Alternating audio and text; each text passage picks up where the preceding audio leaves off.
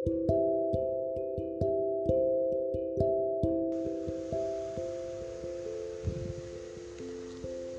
pasti pernah ingin bercerita, tapi tidak ada yang mendengarkan.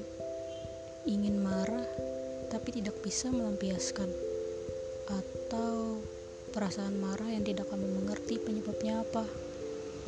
Kecewa pada diri sendiri, tapi tidak tahu harus bagaimana.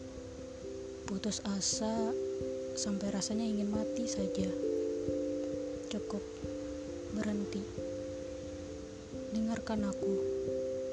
Kamu tidak sendirian. Aku juga.